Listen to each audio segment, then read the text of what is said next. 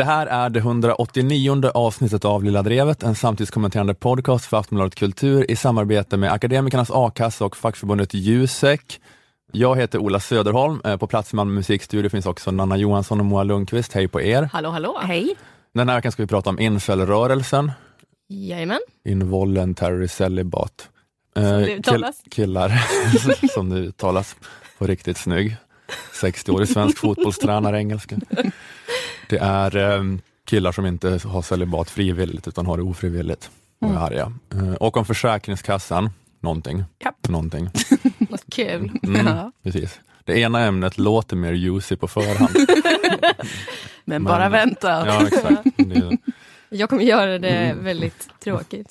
jag, ska, jag ska också prata då lite senare om vanligt, vanligt tråkig grej jag brukar prata om. Ett inslag i Agenda i söndags om kampen mellan Moderaterna och SD. Ja. Eh, Men först har jag tänkt lite på partiledaren för Moderaterna, Mm. eh, Ulf Kristersson. Han är ju då Moderaternas ganska nya killpartiledare. Just det. Det var ju något eh, vissa kanske påpekade då, då det här skiftet skedde senast, att typiskt att de sparkar ut kvinnan Anna Kinberg Batra innan hon ens har fått göra en valrörelse och plockar in en man så att allt ska vara tryggt och som förut.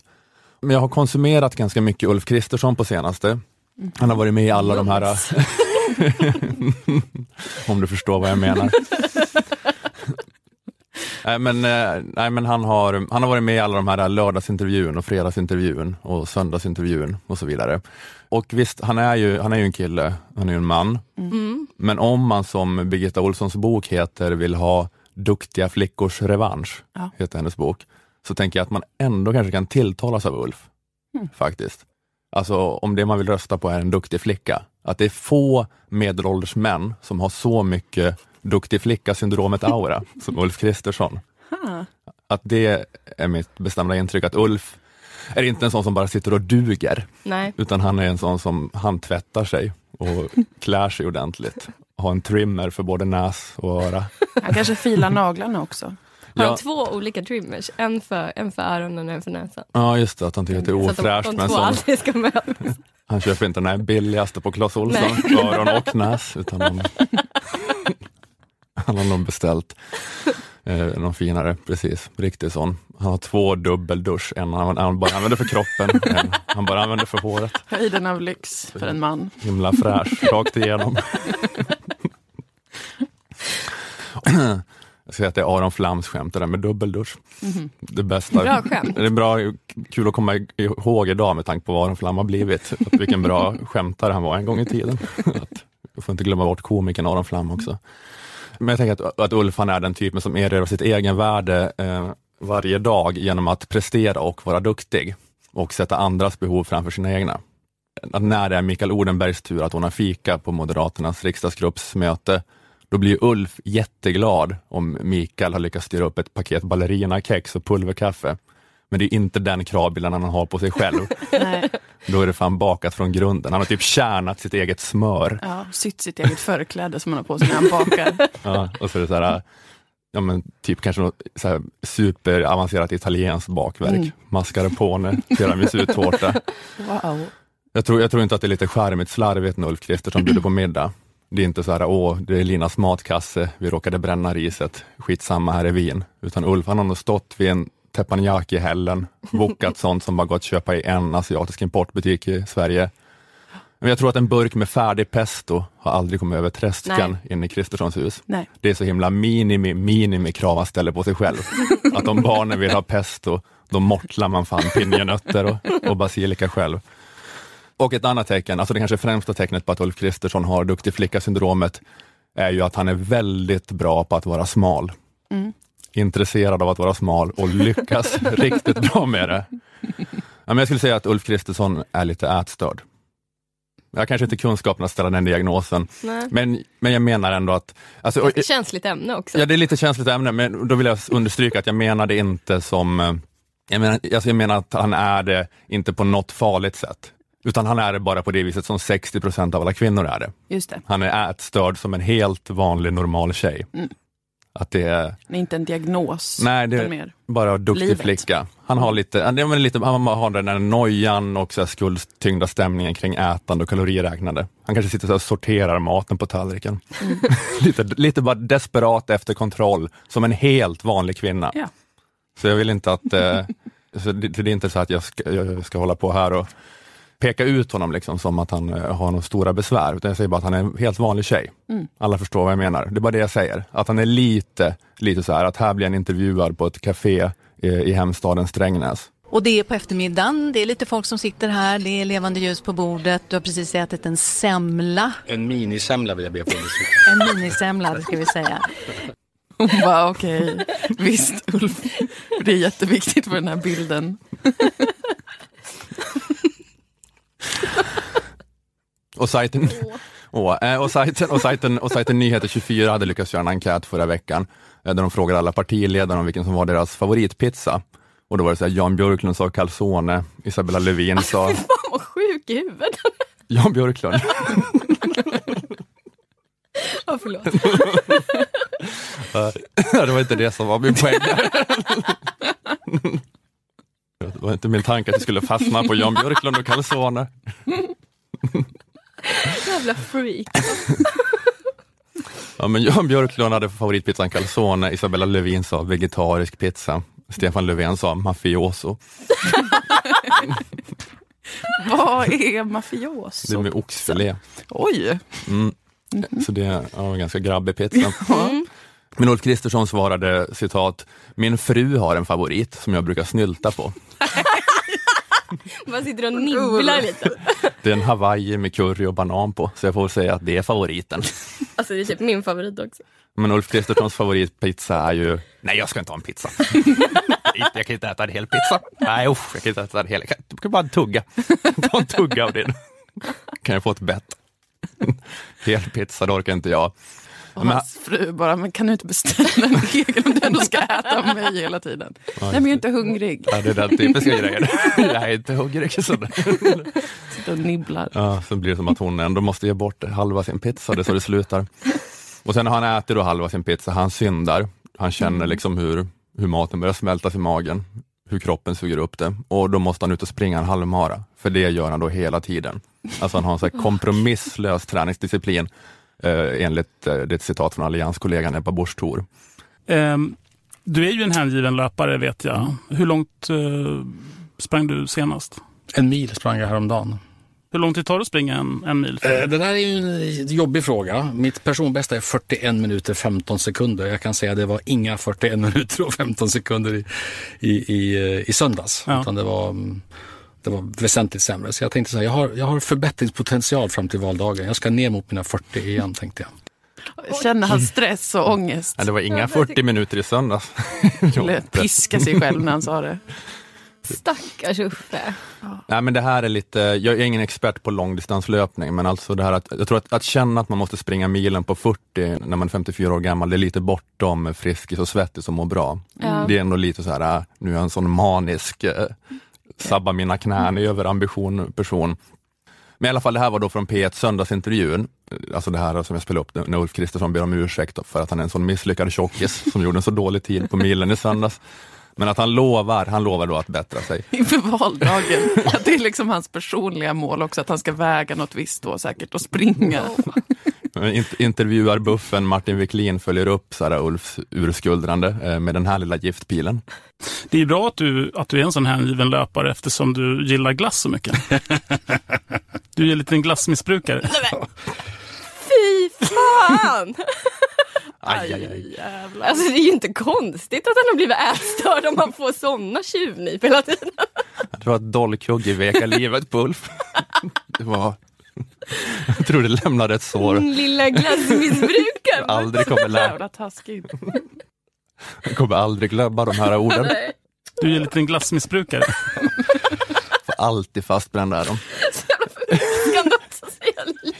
Du är en liten glassmissbrukare. Lilla, lilla Ulf. Du tokig glass. Ulf min lilla tjockis. Det är så nä, nästa steg i intervjun skulle vara att Martin Wiklin ger Ulf en glass och så tittar på dem när han äter. Är det gott? Jättegott tycker du va? Du har inga gränser när det gäller glass va? Du kan äta hur mycket glass som helst. Men ta en till, ät hela paketet. Så Ulf bara äter glass och gråter. Martin Wiklins kikare, ät, ät. Äter du glass varje dag? Nej, jag, jag försöker begränsa min konsumtion. Just det, det är nämligen din fru som har berättat detta för oss. ja, okej. Golare. Nu börjar jag tänka att frun är roten till... Ja, men det, där, det där är inte ett bekvämt skratt från Ulf. Han mår jättedåligt. Ja, men det är himla, himla frun här som raserar fasaden. Eh, hon har också berättat att du bryr dig väldigt mycket om hur du ser ut, om dina kläder. Det ska synas eh, att det man gör är på allvar. Sa hon det? Ja.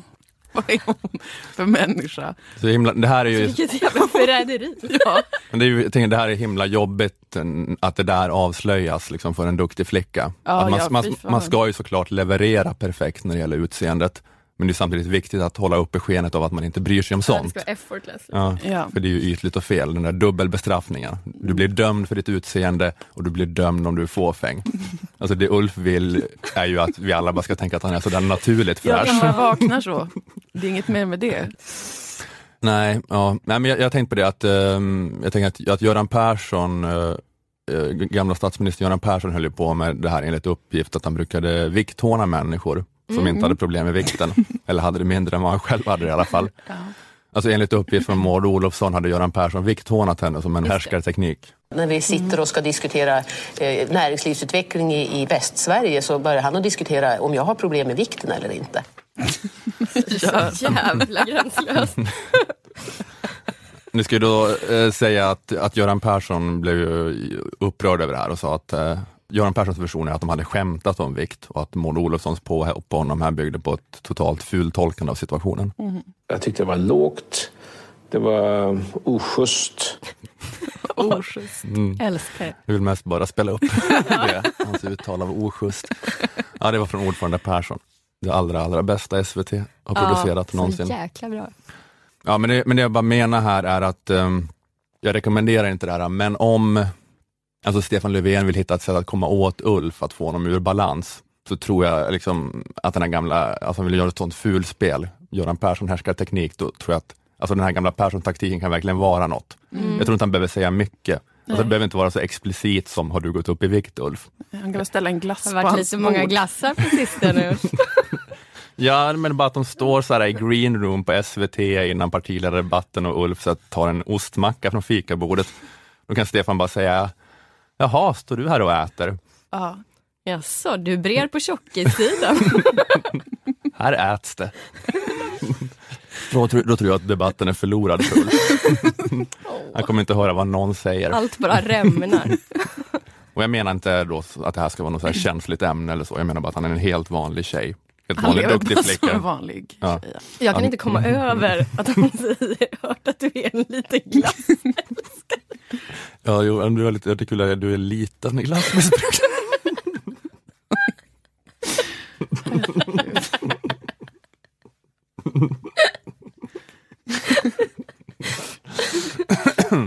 oh lord. Men det är att han är så liten kanske, Ulf Kristersson, så en minisemla är ju... Det var därför hon... Han hon, får äta det med båda händerna. hon, hon inte konstigt att hon tror att det var en normal stor semla, för att perspektiv, eller perspektiven gjorde att det såg ut så. En gigantisk semla. Ulf håller på att trycka i en semla som är dubbelt så stor som sitt huvud. i sin mun. Lilla, lilla Ulf. Nu måste du ut och springa va?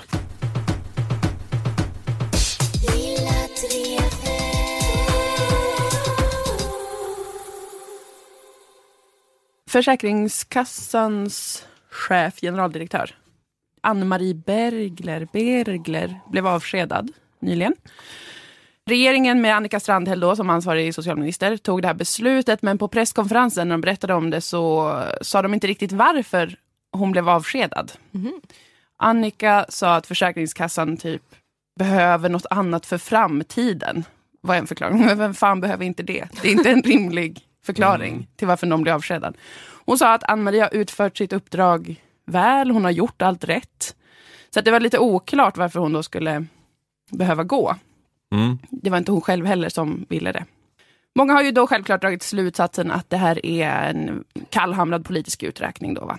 Att det blev viktigt för regeringen att skapa en känsla av att de inte har att göra med det allt svinhemskt som har hänt. Som man har hört om då nu med Försäkringskassan den senaste tiden, de senaste åren. Det har varit liksom nyhet på nyhet om fruktansvärt traumatiska historier. Avslag för funktionshindrade barn och de som behöver sondmatas får avslag. Ett barn som inte kan röra sig skriker bara Försäkringskassan så. Pengar är inte allt. Försök tänka positivt. Mm. Nyhet efter nyhet. För det har varit stora besparingar. Särskilt då på, um, inom LSS. Personlig assistans och sånt har dragits in på. Mycket hemska nyheter om det och det har också varit skandaler med att Försäkringskassan delat ut stora belopp till oseriösa aktörer. Och att det har varit eskalerande avslag för folk som sö- söker sjukpenning. Nu sedan 2016, när de fick ett sånt besparingskrav. Ha, tråkiga nyheter hela tiden om Försäkringskassan. Det har särskilt gällt eh, de som fått avslag för sjukpenning har varit eh, folk med psykisk ohälsa mycket. Utmattning, stress, eh, depressioner som då har fastnat mellan stolarna. Eh, de har fått avslag på Försäkringskassan, gått till Arbetsförmedlingen, inte kunnat få jobb för att de är för sjuka för att jobba. Så att inget blir bra, allt blir hemskt. Eh, och det här har varit väldigt svårt för det har varit sån himla ökning av folk som är utbrända och stressade så att de blir sjuka. Vad, vad har hänt med folk? då? Har de hamnat på socialbidrag? Eller? Ja, antar det. Mm. Fast i någon sånt limbo hela tiden. Men, och Försäkringskassan har försökt knäcka den här nöten hur de ska kunna spara, hur de ska kunna förstå vad de ska göra med alla psykiskt sjuka människor. De har haft olika seminarier där de ställt olika frågor för att kunna försöka förstå vad det är som händer och hur de ska göra. De hade ett seminarium som jag kollade på som hade den här frågeställningen. Ni har satt rubriken här, psykisk ohälsa, ett sjukdomstillstånd eller en del av livet. Där försökte de, Wow. de försökte reda i liksom, när är man sjuk och när är det bara så livet kan vara. Och det är en väldigt stor fråga för Försäkringskassan att försöka ha på sitt bord. Även om det är en stor myndighet. Ja, just det, men det är om man lyckas eh, formulera om eh, ett antal sjukdomstillstånd till att det bara är livet i allmänhet, Ja, så det. kommer man spara mycket pengar. Då man, skulle man kunna spara många, många miljarder om det är så här. Det här är ju bara en, hur det är att vara människa. Ja, det. Det är inte att du behöver bli sjukskriven. Ja, de har hållit på med detta, men det har varit så jävla svårt då att få till något bra. För att eh, de har haft stora sparkrav som sagt. Och eh, så har de här nyheterna ramlat in och folk har varit väldigt upprörda över att eh, människor som mår otroligt dåligt inte får sjukpenning och folk får avslag på personlig assistans som sagt. Och så fick Ann-Marie kicken då. Nu helt plötsligt från ingenstans. Hon var inbokad till att vara med i Ekots lördagsintervju men hon ställde in och så tog de in Ylva Johansson istället. Alltså det var med så kort varsel. Eh, var- alla var förvånade, verkade det som. Men då är alltså som sagt teorin att det här är för att regeringen ska kunna distansera sig från det som har hänt nu på Försäkringskassan och bygga en ny stämning. Där det verkar som att de inte hade så jättemycket att göra med att det blev så mycket dåligt. Fastän det är deras eh, regleringsbrev som Försäkringskassan går efter och så vidare. Hon har varit bara hantlangare åt deras politiska beslut. Ja. Men eh, de, ja, precis. Precis, det är den rådande teorin kring var anledningen. Eftersom att regeringen inte själva har gett någon anledning förutom att de vill ha en ny framtid. som som sagt inte riktigt är en perfekt förklaring. Men den här förklaringen då till varför Ann-Marie fick sparken verkar nästan lite för eh, enkel. För kan det vara så att en högt uppsatt myndighetschef blir kickad bara på grund av ett enkelt politiskt spel som regeringen pågår med? I de här tiderna skulle verkligen det hända att man sparkar en kvinna för något som massa gubbar, det vill säga Stefan Löfven har gjort. Skulle Annika Strandhäll, som själv alltså blusprotesterade mot att Sara Danius fick gå, skulle hon göra något sånt? Skulle hon ta ett beslut om att sparka en kompetent kvinna bara för att det liksom är ett politiskt spel? Det kan inte vara möjligt. Nej tack du, det verkar alldeles för enkelt. Det måste finnas någon annan förklaring, tänker man direkt. Varför har Ann-Marie fått gå? Det är ett spel bakom kulisserna. Eller det finns åtminstone någon annan anledning, skulle jag direkt dra slutsatsen om. Men kan det inte vara schysstare att inte berätta den anledningen? Nej, Att, så här, att om man får sparken och du säger ja, vi behöver en ny start. Nej men säg varför! För då tänker jag att svaret är ja men du är bara lite dålig. Då är det så här, skönare att slippa höra det. men den här, den här teorin jag har är till Ann-Maries försvar. Okej, mm. Fast den också sätter den i lite dåligt ljus i och för sig. Nej, Min teori om varför Ann-Marie blev avskedad var för att hon var så otroligt bra på sitt jobb att det var på gränsen till för bra. Alltså nästan så bra att det blev farligt. För det är, eh, många av hennes kollegor har gått ut och sagt att de är jätteförvånade, att hon var superduper kompetent och omtyckt, men också Ah. hård och effektiv. Eh, och att hon var liksom en perfekt myndighetschef, enligt vissa då. Regeringen hade ju ingen aning om säkert att hon skulle vara så jävla kompetent. Ann-Marie var bara så här, ha, spara in flera miljoner genom att göra av, öka avslag, ta bort möjligheter till personlig assistans. Say no more, nu kör vi. Bara körde hon, öste utan stopp. Regeringen väntade sig nog att hon skulle vara med som andra myndighetschefer kanske. Att hon skulle råka läcka något sånt IT-system eller supa upp en del pengar, åka på en jättekonstig konferensresa till Barcelona Mm. för märkligt mycket pengar och sånt. Men så Ann-Marie kommer in som en jävla stridsmaskin till människa. Det som ska göras måste göras, skrek hon och slängde kanske med egen kraft ut en rullstolsburen person som satt och fyllde i en blankett på ett kontor. Mm. Alltså hon var så otroligt eh, kompetent på sitt jobb, som då var att göra de här besparingarna. Men som så många kompetenta kvinnor så finns det en stor risk med att vara så jävla bra på sitt jobb. Och det är ju att man kan bränna ut sig. Det är ju något vi vet att kvinnor gör nu. Det är också det som är en av de största anledningarna till varför Försäkringskassans utgifter har ökat något så enormt. Den anmärkningsvärda utvecklingen är den för kvinnor. Då. Eh, 2005 så var det ungefär 43 000 pågående sjukskrivningar i psykiatrisk diagnos och sen minskade det till 24 000 2009 och eh, 2016 är vi uppe i 64 000 sjukskrivningar. Så att det är en anmärkningsvärd ökning, eh, särskilt när det gäller då kvinnorna. Det är en jätte, jättestor ökning och då är det mycket som eh, många av de sjukskrivningar på grund av stress, utbrändhet, psykiatriska diagnoser som inte nödvändigtvis är en psykisk sjukdom utan som är då utbrändhet. Att de har stressat ihjäl sig, varit för bra på jobbet för länge, tagit för många, liksom, ta- tagit för mycket ansvar. Mm, mm. Och då tänker jag mig att eh, Annika Strandhäll såg det här hända. Hon såg hela tiden hur Ann-Marie var alltså, så jävla bra på sitt jobb. Tycker vad man vill om hur det jobbet behövde utföras. Men jävla vad bra hon var. Och Annika Strandhäll älskar kvinnor, det vet vi idag. Hon älskar kompetenta kvinnor. Hon älskar kvinnor som jobbar, som eh, har det bra. Det är hennes favoritgrej. Ja, ja. Så ni kan ju tänka er att det var svårt för Annika att ta det här beslutet att avskeda Ann-Marie. Men i sitt hjärta så visste hon att hon var tvungen att göra det, att hon var tvungen att rädda Ann-Marie från sig själv. För att Ann-Marie inte skulle bli utbränd. Och det fick Annika och hela regeringen att ta det här eh, beslutet, trots att de framstår ju som ett gäng alltså fittkukar som avskedar en sån kompetent chef utan att ge någon anledning. Men det var det är lite det här med duktig flicka-syndromet igen. Då. Ja. Att hon måste botas eller liksom räddas från sig själv. Ja, och Annika räddade henne. Det kan också varit att liksom, de såg framför sig vilken otroligt stor utgift det skulle vara att ge sjukpenning till det. Ann-Marie Bergler. För att hon tjänar 160 000 i månaden. Så det hade kanske varit så. Försäkringskassan skulle inte klara av det om hon brände ut sig och var tvungen att få sjukpenning. Ja, ja det var en besparingsåtgärd. Okej. Det, Mm. det är möjligt, det skulle också kunna vara en förklaring. En del av förklaringen. Men mest så vill jag ändå tro på att någon så god som Annika Strandhäll skulle aldrig bara slänga någon sådär framför tåget på grund av sånt kallt politiskt eh, maktspel. Utan hon vill hjälpa kvinnor. Mm, mm. Hon vill hjälpa Ann-Marie. Just det, så det gäller bara att förstå nu hur hon har hjälpt kvinnor här. Ja. För att det, kan man, det kan man alltid vara säker på att det är det hon gör. Men Är det något så- man så kan det, lita på? Det är den änden eh, resonemanget måste börja. Om man börjar backa därifrån. Vad gjorde hon för att rädda ännu en kvinna, Annika? Mm. Avskedade Ann-Marie. Men det kanske är det där då att de är vana vid att sådana myndighetschefer är lite mer ineffektiva också. Och att, eh, att ja men visst, det är vi som har fattat alla de här brutala besluten om nedskärningar. Men vi trodde inte att det skulle vara någon som var så bra på att utföra dem. Hur kunde du vara så liksom hård och kall? Du är ju en kvinna. Ja, men vi hade tänkt att det skulle vara någon som var lite, lite slapp och halvkorrupt, att det skulle ta långs, gå långsamt. Liksom. Och då hade det inte slagit så hårt att man hade så kastat ut dem som måste sondmatas i systemet direkt. Nej. Men hade, hade vi vetat att det var någon som var så här effektiv på att utföra det vi bad den om, hade vi inte fattat så här radikala beslut direkt. Nej, då hade Utan de smugit in vi trodde att det annars. skulle ske, liksom, vi trodde inte att allt skulle utföras direkt. Exakt. Ann-Marie kom in och bara slängde ner ett sånt dokument. Bara, här är alla som har fått avslag som behöver sondmatas. De Mm. bara, jävla skit. Hon gjorde det.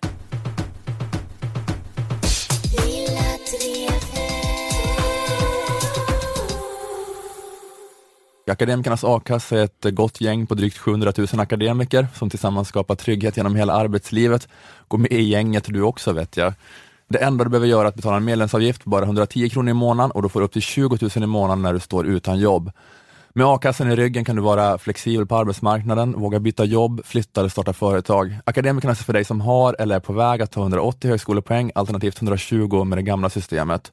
Och många akademiker, till exempel de som jobbar inom branscher som organiseras av fackförbundet Jusek, tjänar ju betydligt mer än a-kassetaket och kan därför behöva en inkomstförsäkring som det är lite mera lite mera tryck i. Därför ska ni, om ni är jurister, ekonomer, systemvetare, personalvetare, kommunikatör eller samhällsvetare, gå med i vår andra sponsor Jusek.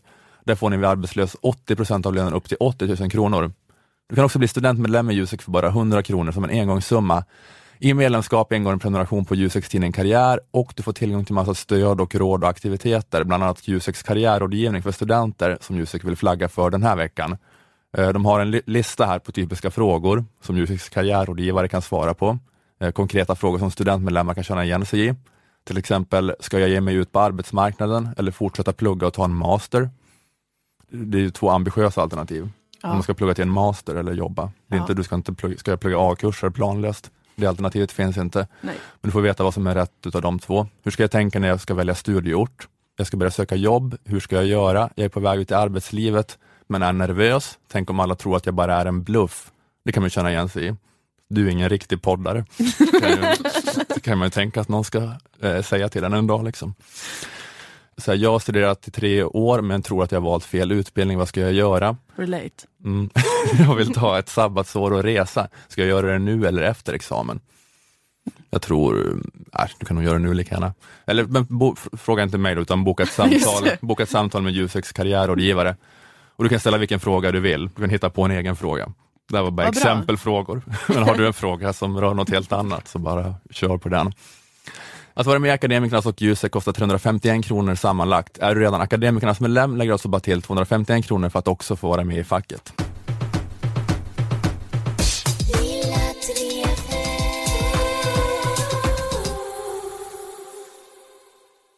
Moa, Ja. Ola, Mm. hej. Hej! Hörrni, eh, efter eh, terrorattentatet i Toronto, eh, där tio personer kördes ihjäl, så har det pratats en del om eh, incelrörelsen eftersom gärningsmannen Alec Minassian tillhör den. Mm. Incel, som du förklarade i introt, står för eh, involuntarily celibate, alltså ofrivilligt celibat. Den här incelrörelsen är en eh, liten del av eh, alt-right-rörelsen och då är, hänger de framförallt i olika internetforum eh, Yeah. och är framförallt män. Och det som förenar de här männen är att de vill ha sex, men de får inte det. Helst vill de ha sex med snygga tjejer, som de internt kallar stasis. Men problemet är att stasis, enligt deras ideologi, då, bara dras till eh, snygga alfakillar, som de kallar chads. Ha. Eh, det här är deras... Det låter eh, som en high school Precis, musical-handling. jag tycker de har valt väldigt exakta namn. Alltså man förstår exakt vad de menar. Eh, Många eh, incelkillar är oskulder och så skyller de det då på att eh, kvinnor är ytliga robotar, Oj. så kallade femoids. Eh, och att de själva då dragit nitlotten i ett eh, biologiskt lotteri. Vinstlotten, den drog ju Chad, muskliga Chad som får alla snygga Stasis. Och det här var drivkraften bakom Minassians attentat. Att det bara är Chads som får Stasis och att oattraktiva killar är trötta på det. Så nu ska alla världens kvinnor betala för den här orättvisan. Eh, till exempel genom att bli ihjälkörda. Men var det, jag har inte knappt läst om det här attentatet, men körde han ihjäl kvinnor då specifikt? Eh, eller? De flesta av offren var kvinnor, men jag tror han var ganska urskillningslös. Liksom. Ja. Och det var inte liksom att han hade kollat upp att här går en grupp Stasis antar jag? Jag antar att det kanske var att han var ute och körde och så fort han såg en Stacy så bara körde han in i folkhopen. Alltså jag har ingen aning. Mm, Eh, mm. Jag var inte där. Nej. Men jag tror att de här eh, incelforumen från början var ett sätt för så superensamma killar att bara ventilera sina känslor av misslyckande. Eh, men nu så har det blivit ett enda stort vältrande i kvinnohat. Incel subreddit har blivit nedstängd eftersom det planerades så mycket olika hatbrott där eh, av olika slag.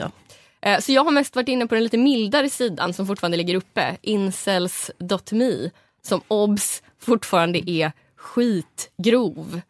Eh, och då är det världens enklaste sak för mig att bara sitta här och läsa upp olika vidriga rubriker från incels.me. Till exempel rubriken I want to convert to Islam so I can control women. eh, men det tänker jag inte göra. Istället så tänkte jag snacka om vad som gör mig genuint skitledsen med hela den här grejen. Förutom obviously då att eh, tio människor har blivit mördade. Det som gör mig genuint skitledsen med hela incelrörelsen är att det här visar att min favoritlösning på mansrelaterade problem inte är så vattentät som jag hade önskat. Vilken är Jag, nu den? ja, jag har alltid tänkt att bästa sättet att verkligen ändra på fakta på könsroller eh, och då särskilt maskulinitet är att män sätter sig ner och pratar med varandra och stöttar varandra. Antingen IRL eller genom olika så, stödcommunities. Där de kan diskutera sin vardag, sina svårigheter, komma med tips och trösta varandra. Men nu har incelrörelsen visat att inte ens det fungerar. Sorgligt. Här har vi män som behövde någon att prata med och som faktiskt vågade sträcka ut handen till varann. Och inte bara det, vågade vara brutalt ärliga med varann. Om hur ensamma de känner sig, hur mycket de längtar efter kärlek och närhet och så vidare. Det vill säga exakt det som man vill att krisande män ska våga.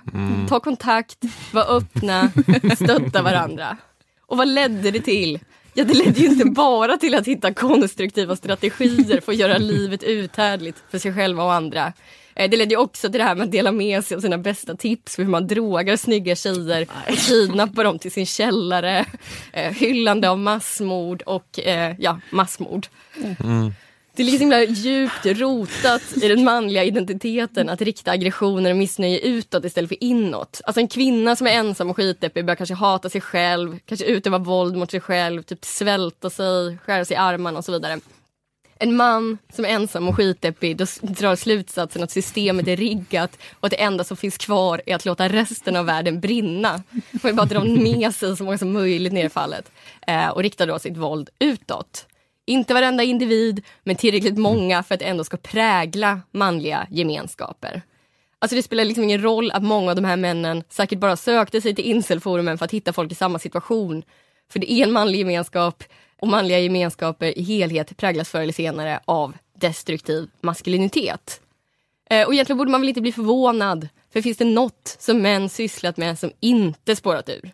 Män kommer på att det är härligt att motionera genom att sparka en boll fram och tillbaka. Och rätt som det är så finns det män som lever för att kuska runt mellan olika fotbollsderbyn och bara slå motståndarsupportrar på käften. Män kommer på att det är härligt med andlighet, där att tro på något som är större än en själv, finna gemenskap i bön och tillgivenhet. Och rätt som det är så trär de på sig bombvästar och stenar otrogna på torget. Och nu alltså, män kommer på att det är lite skönt att ha någon att prata med om det här med att livet inte alltid är så lätt. Att kärlek, ah, vad krångligt det kan vara ibland va? Och rätt som det är så startas en jävla mifforörelse som gör det till sin livsuppgift att utöva fysiskt och psykiskt våld mot gruppen kvinnor. Eh, jag sammanfattar det här i en lag som är ödmjukt döpt till Johanssons lag i stil med David Goodwins lag. Det är lite synd att jag har så tråkigt efternamn. Ni har en så träffsäker lag. Eh, Johanssons lag lyder Oavsett vad män hittar på i grupp så leder det förr eller senare alltid till våld. Och jag hade naivt hoppats att just det här med stödforum om ensamhet skulle vara ett undantag. Att, att snacka om problemen liksom skulle dämpa allt det destruktiva.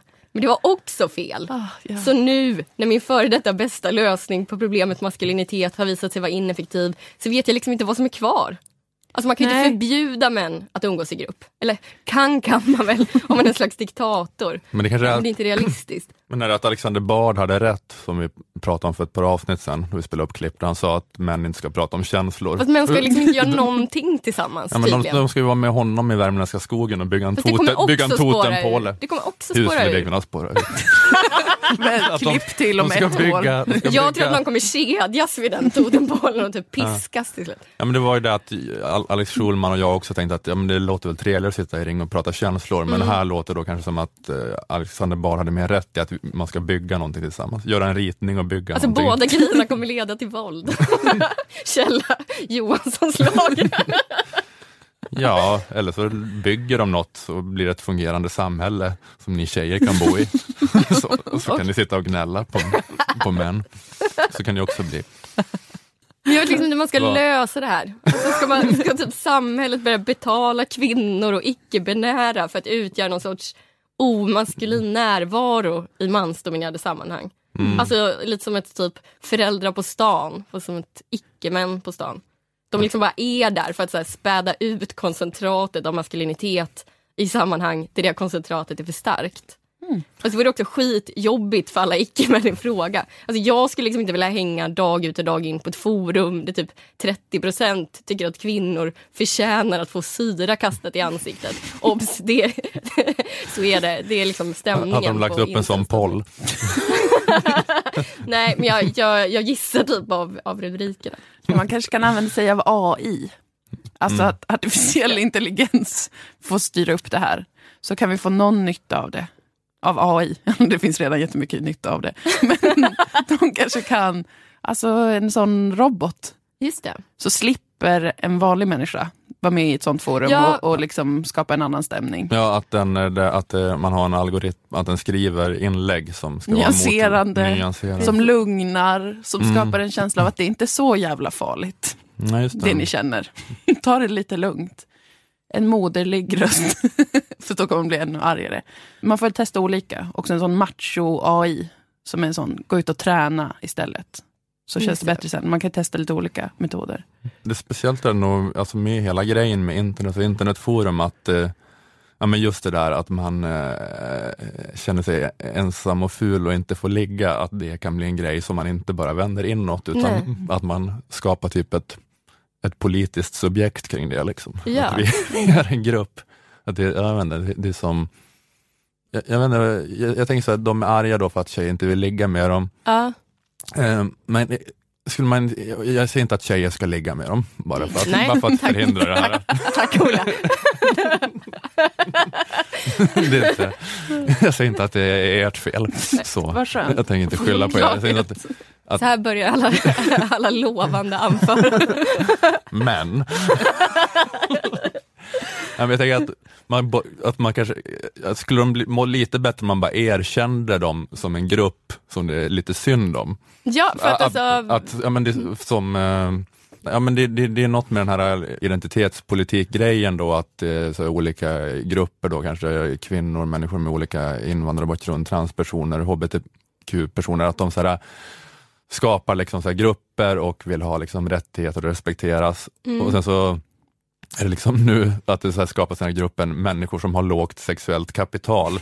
Och det, och det är, så här, det är väldigt det är, något, det är något väldigt speciellt med det, för att det är ju en sån himla stor grej det där med liksom, eh, utseende och karisma eh, på ett sätt. Att det är så här, jätte, jättestor grej för hur bra det ska gå för en i livet. Eh, Ja.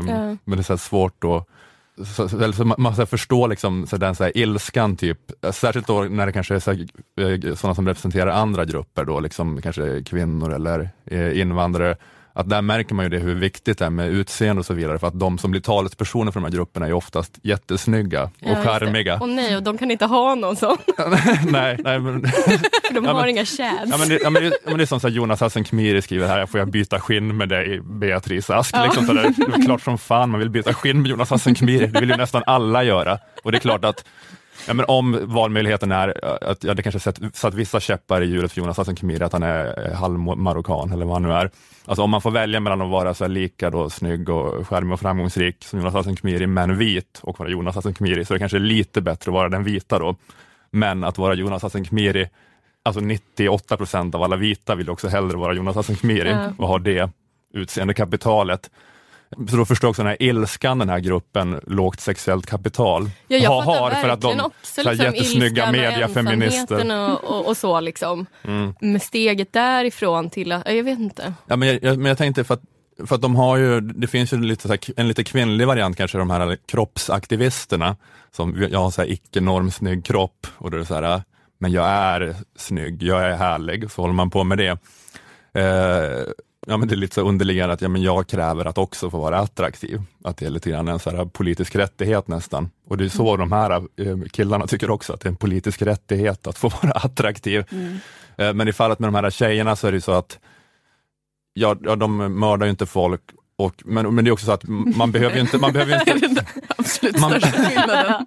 Ja, men det är det med att ni behöver inte ligga med de här killarna och så här, Man behöver ju inte heller ligga med de här kroppsaktivisterna heller. Man bara säger härligt, härligt, ja det är bra, det är bra att du håller på och det är, eh, ja, det är trist att den här normen ska finnas. Att om ni tjejer bara erkände det, de här incel-killarna, att Ja, det är tråkigt och det är härligt tycker jag att ni står upp för er själva. Men det är det, vi, tänker, ni, behöver inte ligga med dem, men bara, bara det är det robottjejerna kan göra så att vi slipper ta hand om emotionellt någonting mer i så våra så liv. äkta människor, att man börjar fatta att de, de är medvetna om att vad har vi gjort?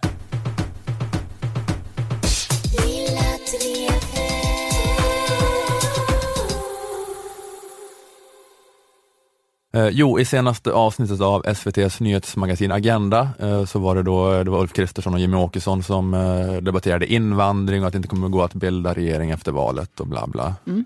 Eh, Allt var som vanligt. Eh, Allt var som vanligt bland annat därför att Henrik Ekengren Oskarsson var med. Jag förstår inte varför han alltid är med. Vem är det? Ingen har fått så mycket airtime på så oklara grunder som Henrik Ekengren Oskarsson. Han är statsvetare vid Göteborgs universitet Ha. och han är valforskare. Han arbetar vid det här SOM-institutet. Eh, SOM, det står för samhälle, opinion och medier. Och de gör opinionsundersökningar där de då, ja, skickar ut enkäter till slumpmässigt utvalda svenskar som får svara på frågor om sina attityder till samhällsutveckling och politisk utveckling. De, de gör opinionsundersökningar. Jag behöver inte säga mer än så kanske. Och det är väl jättebra att de gör opinionsundersökningar. Ehm, det hade, det hade kanske varit bättre här om ni också hade den väldigt starka känslan av att man ser Henrik? Ekengren Oskarsson hela, hela tiden. Men ni får ta mig på orden Vi att han är alltid med. Mm. Men jag fattar inte Jag varför förstår ju att du ser honom hela tiden eftersom allt du gör är att kolla på Agenda. det är Alltså, det är jättebra att han gör det där jobbet, men jag fattar inte varför han alltid ska vara med i radio och tv och prata. Att nu i Agenda hade, hade de ett reportage i anslutning till migrationsdebatten mellan Åkesson och Kristersson, där de skulle ge bakgrunden. Och då var Henrik Ekengren Oskarsson med och så sa han det här. Mycket är bekant inför en valrörelse, men i år är det en ny fråga som kommit upp på dagordningen. kommer ju vara en första valrörelse där migrationsfrågorna, eh, integrationsfrågorna är bland topp tre i, eh, bland de viktiga sakfrågorna för, för väljarna. Och den situationen har vi inte haft innan. Han berättar då vad deras opinionsundersökningar har visat, att invandringsfrågan är viktigare för folk än förut. Mm. Eh, Men, men det, och det är bara det här som är min poäng, att han är alltid med som ett talking head eh, för att säga något som är basic faktaunderlag. Mm. Jag fattar inte varför de alltid flyger till Göteborg med ett kamerateam, sminkar honom, myggar på honom för att han ska sitta och säga något som lika gärna kunde ha varit en skylt. Ja, det kunde varit en liten text bara. Ja, här ser vi stapeln invandringsfrågan, hur den har ökat. Så pratar programledaren över den skylten. Och sen den andra grejen som man är med och säger i reportaget eh, är det här, eh, apropå att Moderaterna eh, tappade många väljare till SD förra valet. Men hur kommer det att se ut på valdagen? Say hello to a new era of mental health care. Cerebral is here to help you achieve your mental wellness goals with professional therapy and medication management support. 100% online. You'll experience the all new Cerebral Way, an innovative approach to mental wellness designed around you. You'll get a personalized treatment plan from a therapist, prescriber, or both in a safe and judgment free space. Your Cerebral therapist or prescriber will outline a customized plan with clear milestones along the way so you can get to feeling your best. With Cerebral, you're not alone in your mental health journey. We're here to empower you to live a fulfilling life. So take that first step towards a brighter future and sign up today at cerebral.com slash podcast and use code ACAST to get 15% off your first month. Offer only valid on monthly plans. Other exclusions may apply. Offer ends July 31st, 2024. See site for details. Dagen. Det kommer synas i eh, om eh, eh, de stora väljarströmmarna som förra gången gick från Moderaterna till Sverigedemokraterna, i vilken utsträckning moderata väljare vände tillbaka till Moderaterna. Som, om det var ett gästspel hos Sverigedemokraterna eller om de stannar kvar där. Ja, när det är val får vi se hur det går. Och nu har jag spelat upp allt. Alltså, I ärlighetens namn, vem kan säga något annat? Liksom, Nej, men varför ska det sägas då? För nu har jag spelat upp allt han sa i det Mm. reportaget. Det här Ja. var det, de här två klippen, det var det, det, var det, det totala. Och alltså, ja, men det är ju jättebra att eh, Henrik Ekengren Oskarsson jobbar med att samla in det här faktaunderlaget om väljarrörelser och bla bla bla. Men det är så himla svårt att förstå varför journalister inte bara refererar till undersökningarna.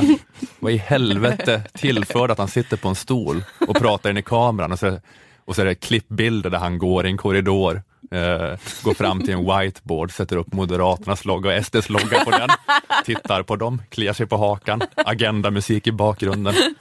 Och, och, det, och det här är inte hans fel heller, att han liksom inte tillför något. För hans roll är väl bara att han ska vara en sån torr forskare som bara håller på Mm. håller sig till sina siffror och kvantitativa undersökningar och liksom bara uttala sig om det. Han, så här, han har säkert torrt på fötterna och det är andra som får dra högt flygande slutsatser om hans siffror. Hans roll är inte att vara någon yvig Göran Greider. Men jag förstår då inte hur han har kunnat bli någon slags go-to-person för medierna. Alltså det är ungefär som att det liksom jag menar att eh, det skulle vara så här att nu i Aktuellts manus så behövs det två meningar om hur det franska valsystemet fungerar. Och istället för att programledaren bara säger de meningarna så har vi bjudit in farbrorn som skrivit Nationalencyklopedins artikel om Frankrike, som får stå och säga de två meningarna. Alltså det är det han gör hela tiden. Jag fattar inte, fattar inte poängen. Men det, fin- det finns faktiskt en som fått lika mycket airtime på lika oklara grunder som Henrik Ekengren Oskarsson. Eh, Och det är Sören Holmberg. Och han är bara den äldre versionen. Ekengren Oskarsson är Sören Holmbergs minimi, kan man säga. Eh, Sören Holmberg är också en Göteborgs statsvetare och det var han som grundade det här SOM-institutet. Och han var den som förr alltid var med för att eh, presentera väljaropinion. Och jag minns att jag redan som liten, eh, jag fattade aldrig vad han gjorde där. Att, eh, Häcklat dig i så många år. ja, det, det, det, Åh, det, det, så här, Baby-Ola sitter och kollar på Agenda. inte så här, jag fattar inte det här programmet överhuvudtaget. Utan jag fattar inte varför just den gubben. Man var alltid med i olika studies och valvakor hela tiden. Så, men han var alltid inbjuden för att presentera skylten, den jävla skylten. Här ser vi då att Vänsterpartiet har backat 0,7 procent, sen står stilla. Jag, jag förstod inte, för det fanns redan en programledare och det fanns en skylt. Är det inte programledarnas roll att presentera skyltar? Varför, ni- varför har ni tagit hit en farbror till för? Det är en farbror som presenterar en farbror som presenterar skylten. Kan man inte rationalisera bort farbrorn i mitten? Vad gör den där andra farbrorn där? Varför måste han vara med? Så det här är inte en jätteviktig fråga, men jag bara, det är en spaning som har vuxit i mig de senaste 20 åren, då, att jag förstår inte vad det är för punggrepp statsvetarna vid Göteborgs universitet har på svensk media. Nej, du förtjänar att få ett svar. Jag, jag skulle bara vilja få ett svar på det.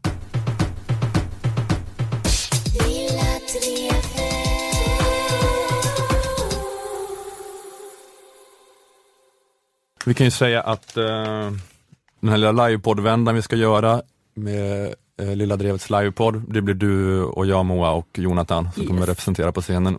Och det har sålt slut i Stockholm och Göteborg eh, redan 29 och 30 maj, men det finns biljetter i Malmö 31 maj.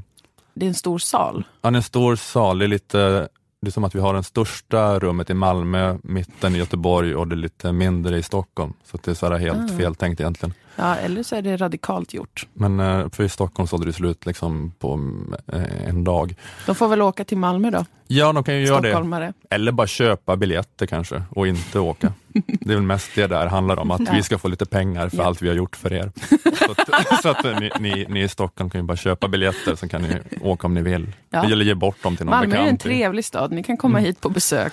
Ja, man kan åka över bron, äta dansk frukost, Ja, ta, ett, ta ett par snapsar, snapsar och smörrebröd som Klassiska, det uppvärmning. bästa med Malmö i Köpenhamn. Vad kan man göra här? Man kan åka över bron. Ja. Ja, möte försommaren i Köpenhamn Ja. och eh, gå på eh, livepodd. Ja, men det är på Malmö Opera, malmöopera.se, så kan ni klicka er fram till någon biljettsida där. ja. Jag ska också göra reklam för att eh, jag och eh, Dilan Apak och eh, Tora Larsson och Elvira Lander gör vår improviserade föreställning Skuld i Umeå nu på lördag. Den 5 maj. Kom på det. Ja, men då säger vi tack till Aftonbladet Kultur, Akademikernas A-kassa och fackförbundet Jusek. Tack till Malmö musikstudio där vi spelade in. Jag heter Ola Söderholm och ni heter Moa Lundqvist och Nanna Johansson som också var med och poddade den här veckan. Mhm. Lilla Drevet är tillbaka igen om en vecka. Hej hej! Hej då! Hej.